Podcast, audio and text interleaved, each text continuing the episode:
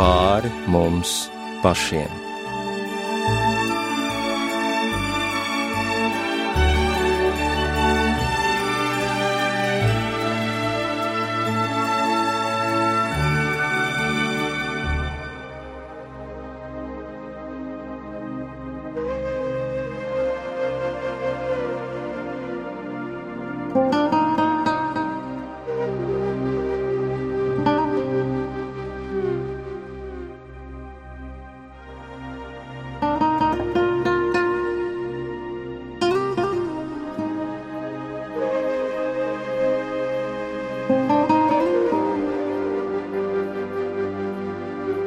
Labvakar!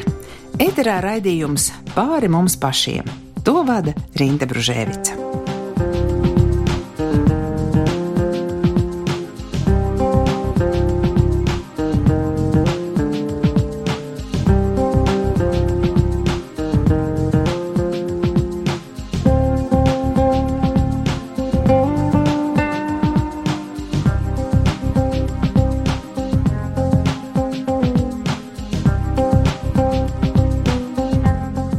Sākums katrai rīcībai ir doma, kāda ideja, kas ienāk prātā.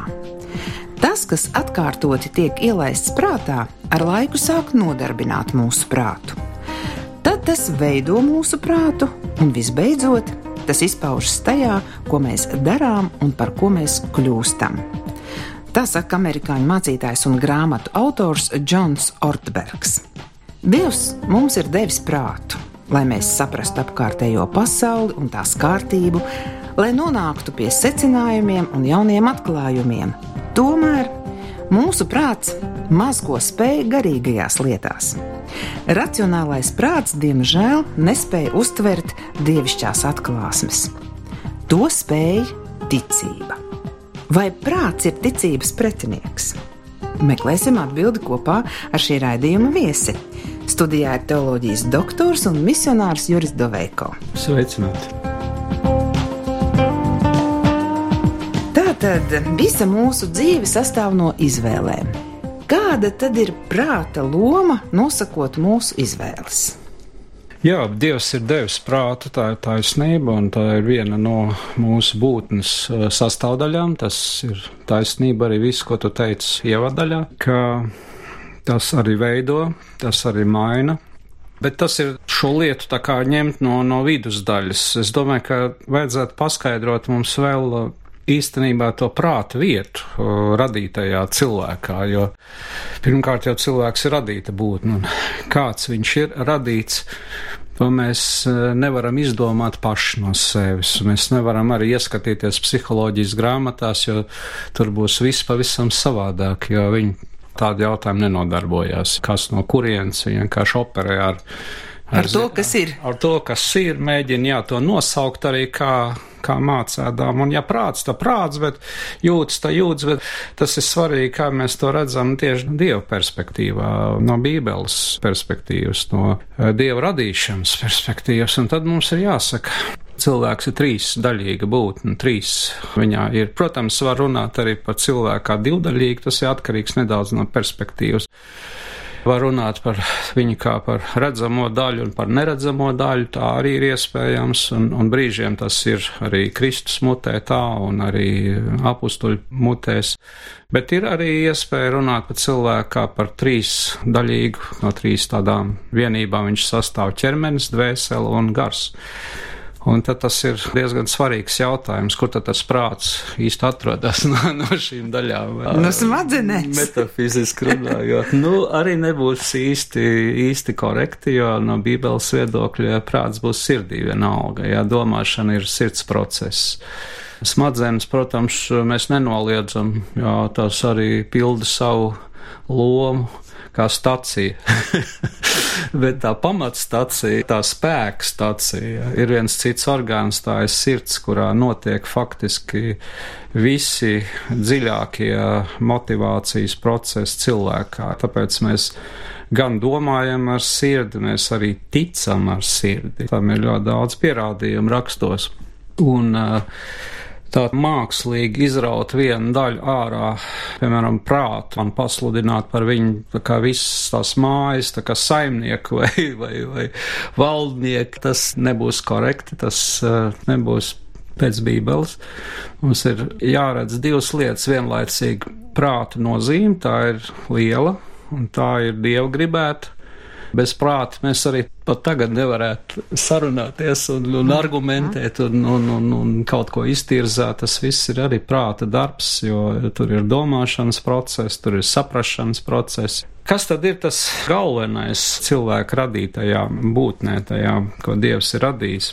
Prāts nav galvenais, un tas ir tas pats, varbūt, būtiskais visai šai stāstā. Viņam ir pakārtot loma skatā uz, uz mūsu garu. Mums ir gars, kas atbild par attiecībām ar Dievu.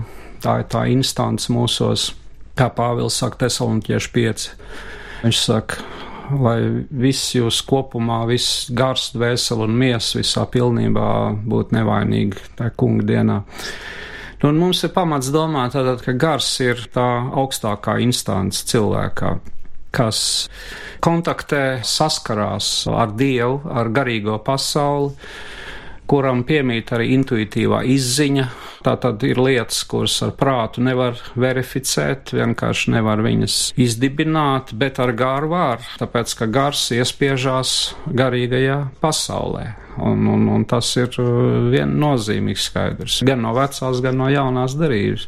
Piemēram, man nāk prātā tas piemērs, kur uh, Elīza zināja visu, kas tiek runāts sīriešu ķēniņa guļamistabā un zināja visas slēpņus, ka viņš viņus var identificēt un pateikt uh, Izraels ķēniņam. Un tā ir tāda gara dāvana, tas ir svaidījums, kas ir saistīts ar, arī ar gara izmaiņu. Protams, Dievs dod to visu, bet tā ir arī gara izmaiņas uh, lieta. Un Jēzus garā izmanīdams viņa domas, mēs lasām nevaņģēlijā, un, un attiecīgi uz viņiem runāja, ko jūs domājat savās sirdīs. Tas ir bieži tā. Un, un, un, un. À, tad no turienes mēs varam secināt, ka domājam ar sirdi. Jā un nē, mēs, protams, domājam ar sirdi, jā, jo sirds ir tas dziļais orgāns cilvēkā, kurā ir visas šīs saknes, jā, motivācijas saknes. Un tādā nozīmē mēs domājam sirdi. Kādreiz mēs runājam vienu un domājam citu, un tas ir, tas ir tas, ko mēs domājam sirdī patiesībā. Kādreiz mēs esam tā kā sadalīts būtnes. Mums ir viena porcija, kā saka, oficiālā, un otra ir neoficiālā, ko mēs zinām, un kur arī mēs domājam, jā, kur mēs dziļi domājam un daudz domājam. Un domājot, arī runājam daļēji, jo mēs arī varam runāt savās sirdīs, kā Bībele saka tas ir plašs temats, un mēs varam aizplūst ļoti tālu un dziļi. Pats galvenais ir redzēt to pakārtotību, jeb to hierarhiju. Cilvēku būtne ir hierarhija. Tas visas daļas nav, tāpēc vien, ka tās ir sirdī, tās nav visas vienlīdzīgas, viennozīmīgas. Ir kaut kas tāds, kas ir svarīgāks un ir kaut kas mazāk svarīgs. Svarīgs arī, bet Nav galvenais. Ne teiksim. absolūti svarīgs, jo gadās jau arī tā, ka kāds uh, vāji domājošs cilvēks, var teikt, arī pieticīgi domājošs, varbūt kāds, kuram pat prāts ir uh, nedaudz uh, pat bojāts. Mēs zinām vientiesīgus ļaudis, bet kur ir spējīgi ticēt. Tā kā tas vien, ka es visu tagad verificēšu ar prātu un noskaidrošu, un, un tas nevienmēr ir tas absolūti galvenais. Jā. Ir vēl viena instance, tas ir gars, tas ir augstākais cilvēkā, kas saskarās ar, ar dievišķo. Un te ir būtiski tas, ka šī instance ir tas, ko tu gribēji paticības saukt. Es teiktu, tā ir prāts un gars pa priekš jānoskaidro, un tad pēc tam pie tās ticības. Jo gars cilvēkā ir tas, kas arī pirmais nomira grēkā krišanas rezultātā. Sātans teica, nemirsiet viss, tā dienā Dievs tikai ir skaudīgs, viņš tikai negrib, ka jūs dabūjat kaut ko labāku. Tāpēc mierīgi ēdiet to augli. Jau bija pievilta, viņi ņēma augli un ēda. Nu, un kas? Neviens no viņiem nenokrita zemē beigts. No tā mēs varam spriest. Tātad, kam ir taisnība sātanam vai, vai dievam, kurš teica, tā dienā, kad jūs no tā augļa ēdīsiet, jūs mirdami mirsiet, bet tam pamatīgi mirsiet, tā pavisam mirsiet. Mirdam mirsiet tā dienā. Un tas tieši nozīmē to, ka pirmā instance, kurā cilvēks dzīvo vai mirst, kā radīta būtne, Dieva priekšā radīta, ir gars, cilvēka gars. Un tad nāk viss cits tālākais pārējais, kas arī ir svarīgs, protams. Gars ir tas, kas nepaklausības rezultātā mīra. Un līdz ar to Tas nenozīmē, ka cilvēks uzreiz bija fiziski beigts, viņš bija, nebija beigts arī dvēseliski, viņš varēja komunicēt, runāt, viņš varēja arī turpmāk runāt ar Dievu, tā kā teikt, nu, kā, kā jau grēcinieks, kas slēpjās. Bet vienalga, viņš, viņš varēja, viņš bija dzīvs. Bet kādas tad ir Jura gara attiecības ar prātu? Es to vajadzētu tāpēc, lai mēs tiktu līdz ticībai. Jā, tieši tā, tieši tā. Un uh, ticība ir pēc savas būtības gara parādība, ja mēs runājam par, par īstu ticību, kas glābj. Glābjošā ticība ir gara lieta, atzimuša gara lieta.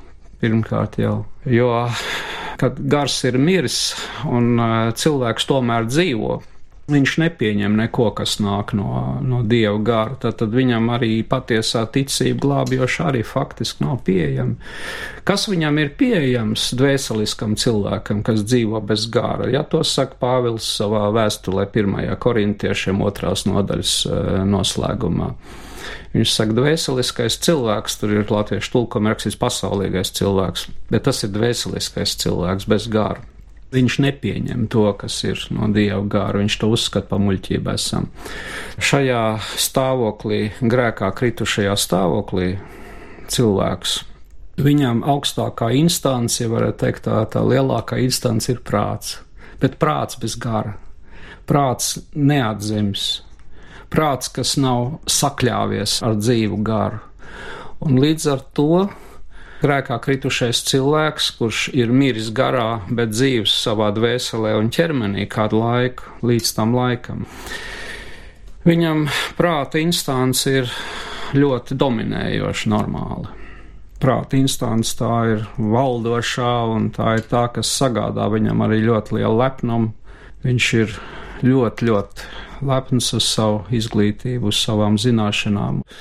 Viņš uzskata uh, zināšanas par ļoti lielu varas instrumentu, un to jau parāda arī sabiedrība mūsu un uh, viss tā attieksme, kāda ir, ja cilvēkam ir viens diploms, vai viņam ir divi, vai viņam ir uh, tāds tituls vai cits, teiksim, pēc tā vērtē ļoti būtiski. Tas ir raksturīgs grēkā kritušam cilvēkam jau pie pašas krišanas, jo ieva sakārdinājās ar aizliegto augli, un viņiem bija sajūta, ka tas ir iekārojams un ka tas dod zināšanas. Tas ir tas, ar ko sātans viņu paņēma. Un kopš tā krišanas laika visā cilvēcē, kas Ādamā šobrīd dzīvo un kas ir kritusī cilvēks kopā ar Ādamu, viņa ir gudra. Tātad viņa prāts eh, tiešām ir dominējošs. Cilvēks dzīvo ar prātu, dzīvo ar savu dvēseli, arī ar jūtām, tās ir svarīgas, un dzīvo savu ķermeni. Bet viņš nezina, kas ir gars, un viņš nedzīvo ar, ar garu. Viņam nav dzīves gars. Ko tas nozīmē, tās implikācijas? Tas, ko tas ietver sevi, šī patiesība, šī bibliskā patiesība, ka prāts var savā lepnumā uzspēlēties ļoti augstu. Viņš var pats sevi vērtēt, viņš var citus prātus vērtēt, viņš var lielas, lielas grāmatas ražot, liels tirgus, liels noiets. Un viņš var mēģināt iespiesties arī ne tikai sekulārā sfērā, tas ir pa pasauli viņš ņemās. Viņš ņemās, viņš uzdrošinās arī par garīgo pasauli spriest, jeb mēģināt tajā ietiekties. Un tā jau vairs nav, jā. Un tā nav viņa kompetence, jā. No, nu, Bieži tā nav, viņš pārsniedz savu kompetenci. Es negribu to teikt, ka prātam nevajadzētu, vai viņš nedrīkst, vai nevar uh, par lietām izdarīt spriedumus. It sevišķi tos, kuri Bībelē rakstīti un kuri fakti, par kuriem viņš var domāt, drīkst domāt, viņam vajag domāt par tiem, bet, bet ir lietas, kurās viņš uh, grib arī šeit uh, ražot sistēmas, veidot holistiskās schēmas, kā to arī vēsture bagātīgi ir pierādījusi. Un tad tur ir tā aplamība, ja prāts pārsniedz savas kompetences, Jā. tad, teiksim, tā ticība nespēja uzplaukt, ja?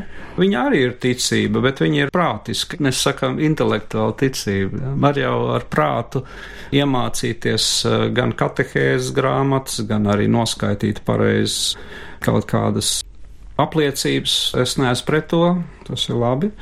Bet, ja tas tikai tas vien ir, tad viņš uzskata sevi par ticīgu, jo viņam ir eh, intelektuāla zināšana, kurām viņš ir piekritis. Viņš saka, jā, labi, es pievienojos, es piekrītu. Bet tas vēl nenozīmē, ka viņam ir sirds ticība, ka viņš ir garādzims, ka viņš ir saskāries ar Dievu un ka viņš ir iemantojis glābšanu un kad svētais gars liecina viņa garam, ka viņš ir Dieva bērns. Tas ir pats galvenais šeit. Jā. Tu lietoji tādu salikumu sirds ticību, tas neapšaubām norāda to, ka ticība piedzimst sirdī. Jā, Un sirds ir vispār tās krustcelis, kā tu raidījuma sākumā teici, domājot par sirdi, kad tur jau arī sākās domāšanas Jā. process, Jā. un tas tālāk aiziet uz prātu. Bet interesanti, ka par sirdi bieži jau cilvēki tā saka, ka jāklausās ir savā sirdī vairāk nekā prātā. Bet bieži vien ir tas konflikts starp sirdi un prātu. Es atradu vienu citātu, autors nezināms, nolasīšu. Ja tu nekad neesi pazaudējis savu prātu, tad tu nekad neesi sekojis savai sirdī sirdī. Nu, varbūt, ka tas ir drusku pārspīlēt, bet es domāju, vairāk jau tādos jaunības mm. gados, kad cilvēki to saist ar iemīlēšanos, un tu liekas pazaudē prātu, sekoja sirdī. Mm. Pareizi, nepareizi. Mm. Te ir runa par tādām divām lietām, kas mēdz nonākt konfliktā dzīvē, un to piedzīvo pārsvarā visi cilvēki, jo kaut kāda rudimenti no intuitīvās izziņas ir visiem Kas tie rudimenti? Rudimenti ir tāda aizmetņa. Jā.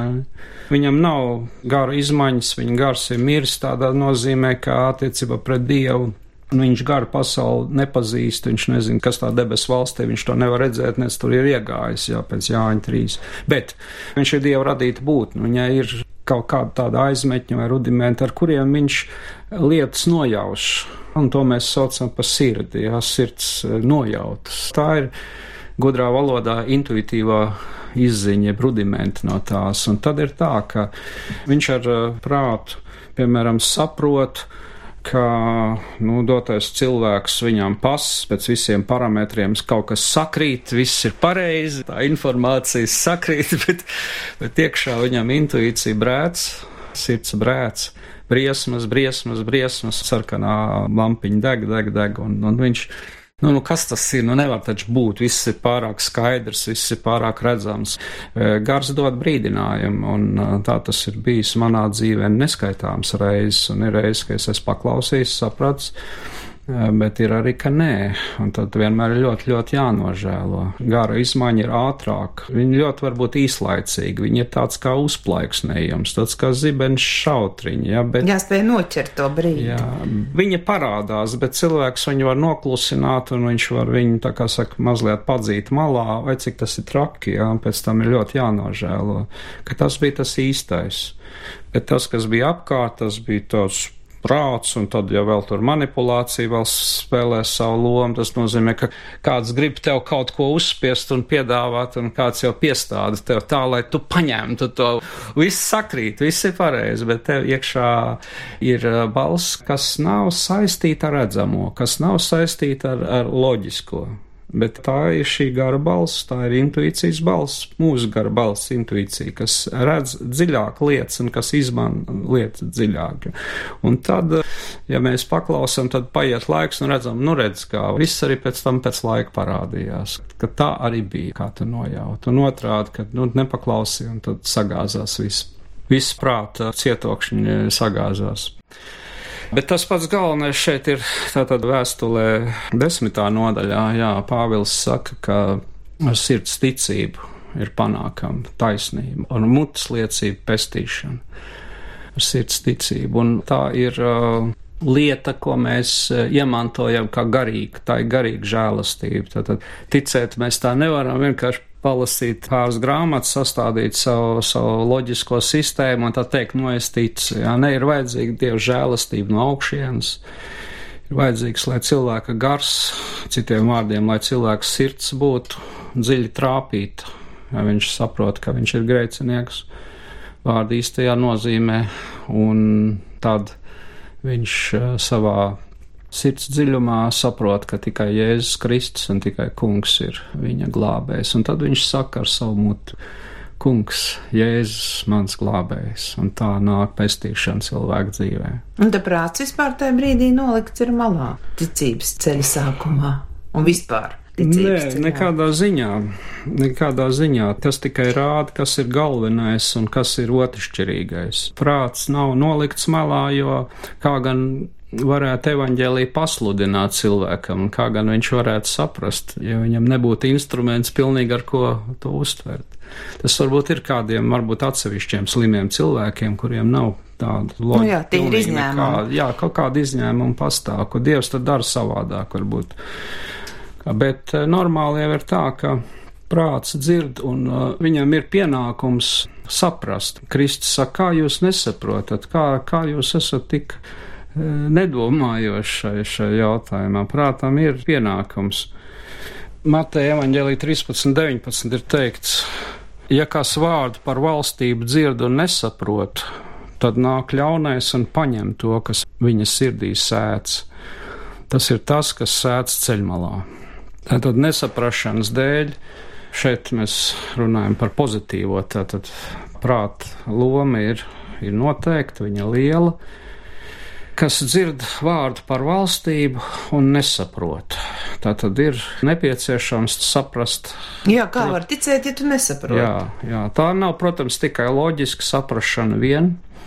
Tas ir tāds ļoti plašs jautājums. Mēs tagad lietojam vārdu prāts, prāts, prāts, bet eh, prāts jau pats arī dalās eh, vairākās daļās. Galīgi nevienkārši lieta ir intuitīvais prāts, loģiskais prāts un garīgais prāts. Ir prāts, kas ir apgaismots ar.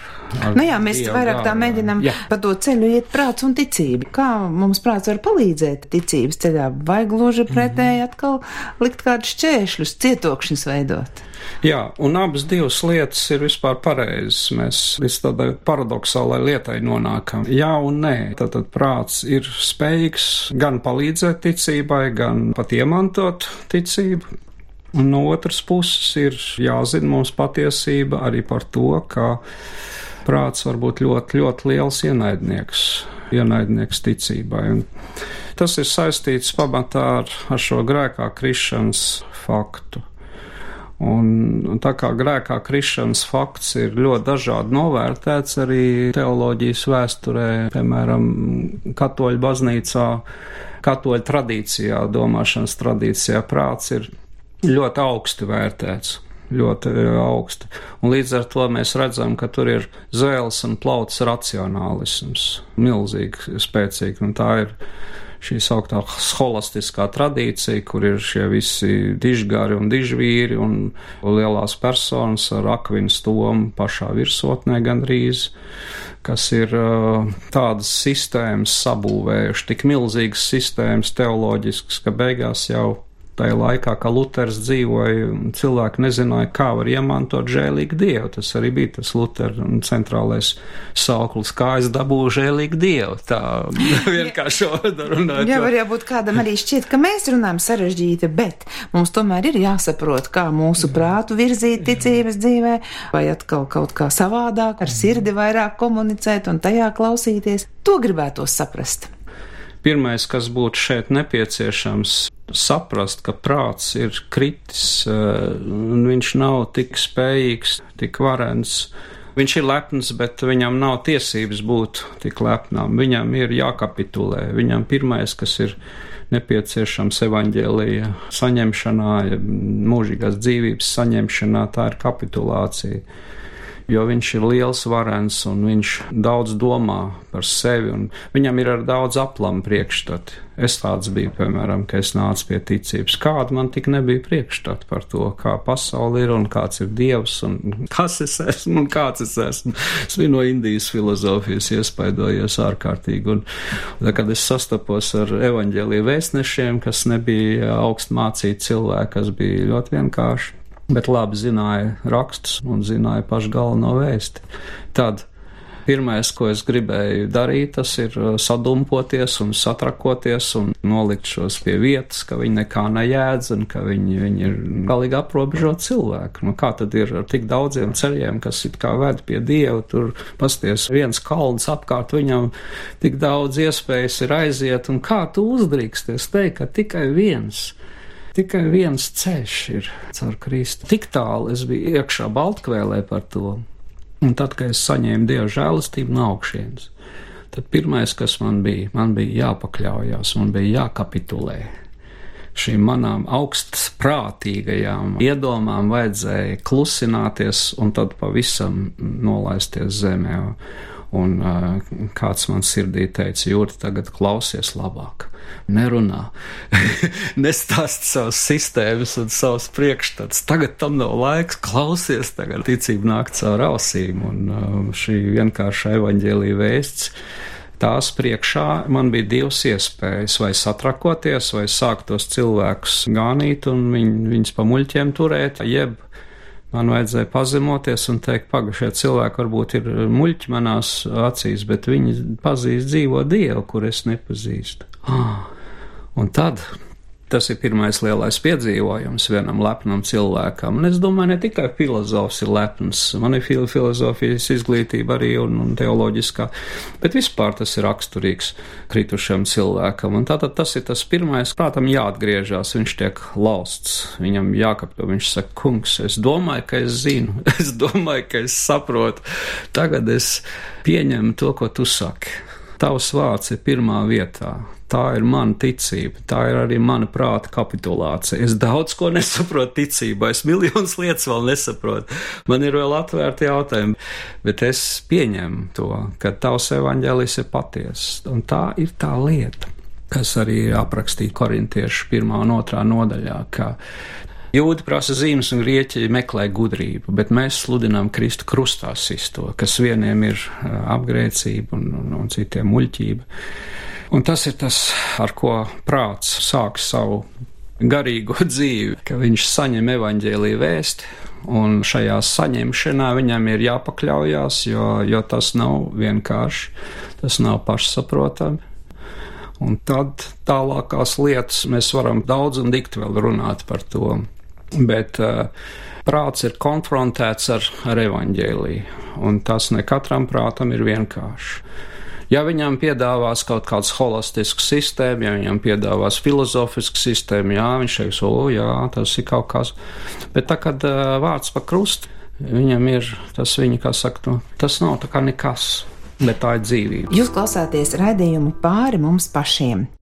Šovakar mēs domājam par tematu, vai prāts ir ticības pretinieks un studijā ir teoloģijas doktors un misionārs Juris Doveiko. Un raidījuma pirmajā pusstundā mēs jau esam izrunājuši par to, ka cilvēks pēc savas uzbūves kopš radīšanas, kad Dievs viņu radīja, ir trīsdaļīga būtne. Un kā izrādās, prāts nav galvenais, bet pats tas centrs ir cilvēka sirds, un arī domāšana ir sirds process, un mēs arī ticam ar sirdi. Un um, domājot par prātu un ticību, te Juris izteica domu, ka prāts gan palīdz ticībai, jo prātam ir, ir savi pienākumi, un viens no tiem ir arī šis, kas mūs ved dziļāk ticībā, bet uh, tomēr prāts var būt arī ienaidnieks tam. Mm -hmm. Un uh, domājot arī vēl par to, ka, tā kā tu teici, ka tu pirmo reizi tā evaņģēlīju ielaid savā sirdī tieši no vienkāršu cilvēku, mm. neizglītotu mm. cilvēku sacītā, ja, un ticība nāk no dzirdēšanas. Jā.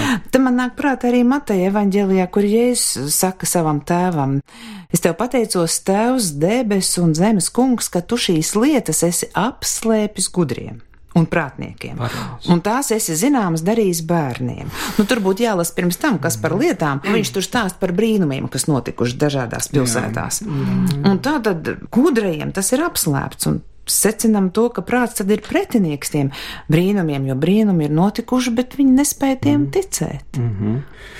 Jā, te ir arī uz abām pusēm. Te ir uh, gan um, uzrunāti jūdi, jo Kristus jau runāja uz, uz jūdiem un pārmet viņiem, ka viņi sabūvējuši savus reliģiskās sistēmas lielākas nekā viņi spēja vienkāršo patiesību uztvert. Un, un otrais ir Pāvils uzrunā pagānus.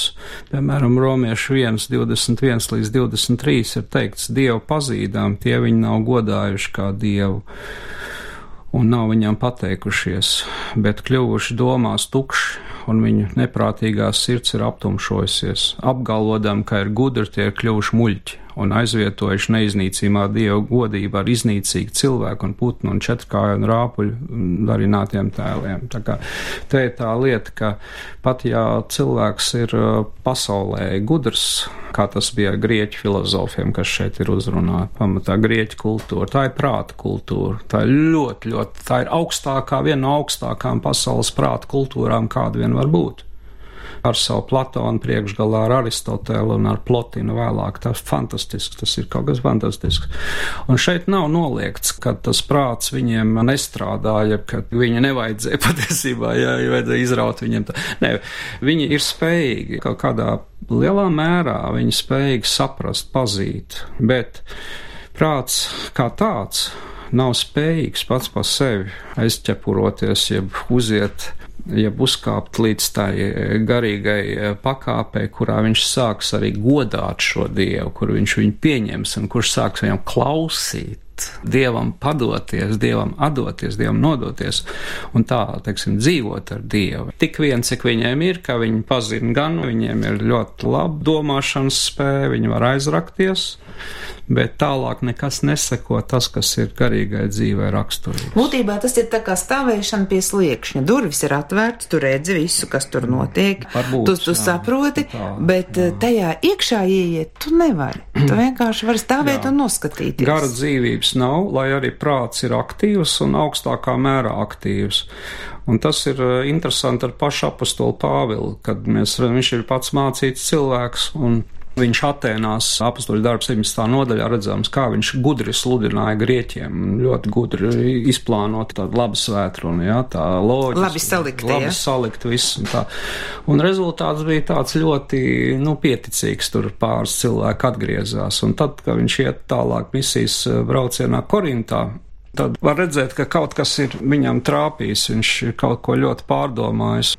Un viņš saka, Es neesmu pie jums nācis ar, ar augstu valodu un gudrību. Es esmu vēlējies zināt tikai vienu Kristu un to pašu krustā sisto. Lai manā sludināšana, man mācība nebūtu balstīta uz mīkstiem gudrības vārdiem, bet uz garu un spēku parādībām. Es te parādās jau tas, ka ir gara pasaule svarīga, gara spēks, gara dzīvība. Tas ir izšķirošais ticīgi cilvēku dzīvē, izšķirošais. Un uh, prāts ir, lai arī ļoti labs instruments, ir nepieciešams, bet viņš ir kā palīgi instruments. Un uh, viņam ir pirmkārt ir jāatgriežas, viņam ir jākapitulē, viņam ir jāpieņem vārds. Jā, tu teici redzījuma sākumā, ka tas prāts cilvēku padara lepnu. Tad, ja viņš daudz to Jā. piepildīs ar gudrību, kas visnotaļ ir Jā. pozitīvi, Nu, savā ziņā, jā, bet ne bet līdz kas galam. ne līdz galam, jā, kas notiek, ir jau kādi, kas nepaliek lepni, bet tas ir retums laikam. Tomēr, jā, tā tendence ir zināšanas uzpūš un mīlestība, mīlestība, dieva mīlestības iemantošana un, un dieva žēlastība. Tā ir tā pirmā lieta, kas nāk par cilvēku. Un šeit ir ļoti atšķirīgas izpratnes arī kristietībā par to lūk racionālismu tradīciju, ko es pieminēju jau, kas ir katolicismā vairāk raksturīga. Un tad ir fideisms, kas uzsver vairāk šo pretstatu starp prātu un ticību, kas saka pat brīžiem, kad starp viņiem nav nekādas, s- viņi vienkārši naidīgi, viņi principā izslēdz viens otru. Bet tā tas nav, vai ne? Protams, ka nav, bet viens ir tāds interesants vīrs Tertuliāns, viņš ir jau trešā gadsimtā teicis kredo, kuja absurdum est. Viņš saka, ticu, lai arī ir absurdi. Te ir tādā labā nozīmē, kad uh, ir lietas, kuras nevar prāts izprast un ielausties, un tās ir tikai ticības prerogatīva, ja garīgās ticības prerogatīva, un tāpēc es varu teikt, ka zināmas lietas man nav skaidrs, man, piemēram, nav skaidrs, kā Dievs pasauli radīs sešās dienās. Es varu, protams, par to runāt un domāt, tas ir man dots, bet eh, tā, teiksim, pa īstam es to varu paņemt tikai ticībā. Tas ir ticības darbs, tas ir eh, mans ticības spēks, kas paņem šo patiesību. Arī tad, ja visa zinātne, viss, viss, viss, viss apkārt runā par to, ka evolūcija, viss ir evolucionējis, viss ir cilvēks no pērtiķiem un, un, un tā tālāk. Kad cilvēks garīgi tic, viņam tad ir pilnīgi vienalga kas tur apkārt notiek, viņš tiešām tic. Un tā ir nozīmē, tas ir pareizi, šis fideisms. Jā. Fideisms labākā savā vārda nozīmē paredz to, ka mana ticība nav izšaubām ar, ar prātu, jo tā ir gara parādība un tā saistīta ar Dievu vārdu primāri. Un pat ja tūkstoši un desmit tūkstoši man pa labo un kreiso, tad tas nevar man ticību dievam izšaubīt. Vēl tāds labs piemērs ir Luters, kas arī ir šajā tradīcijā, fideistu tradīcijā domātājs, kas ārkārtīgi nikni ir uzbrucis holistikai un visiem filozofiem, un viņš ir nosaucis vienā savā vēstulē ļoti nikni. Es pat, pat nevaru īsti tā latviešu valodā to nocitēt, ja tas skanēs mazliet par upju. Bet viņš ir apzīmējis prātu kā sātana netikli. Es neteikšu citas vārdus. Bet tas, tas nav pārspīlēti? Jā un nē, tas var būt pārspīlēti, ja izrauj no konteksta. Bet te ir runa par to, ka neatzimušais prāts, viņš var būt ļoti, ļoti nikns ienaidnieks evaņģēlijām un, un var uztaisīt barjeras pret evaņģēliju, kur vesels masas un vesels tautas netiek iekšā pa dzīvības vārtiem. Tāpēc, ka cilvēki nezina vairāk pēkšņi, cik man kas jādara un ko man kas jādara, lai es varētu iemantot žēlīgu Dievu.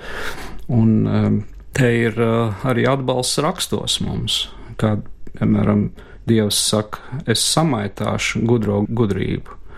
Kas ģeķīgs pasaulē, to Dievs ir izredzējis. Te ir tādas lietas, kur arī mēs varam rast atbalstu tam, kā prāts var būt ienaidnieks Dieva evaņģēliem. Tātad varam tā summēt un teikt arī, ka tiešām pat mūsu ticības noformulēšanā prātam ir nozīme. Tad, tad visu laiku mēs te runājam vienu un otru. Mēs cenšamies īsā laikā līdzsvarot, līdzsvarot ja? šīs lietas, lai nenodarītu pāri nevienai patiesībai.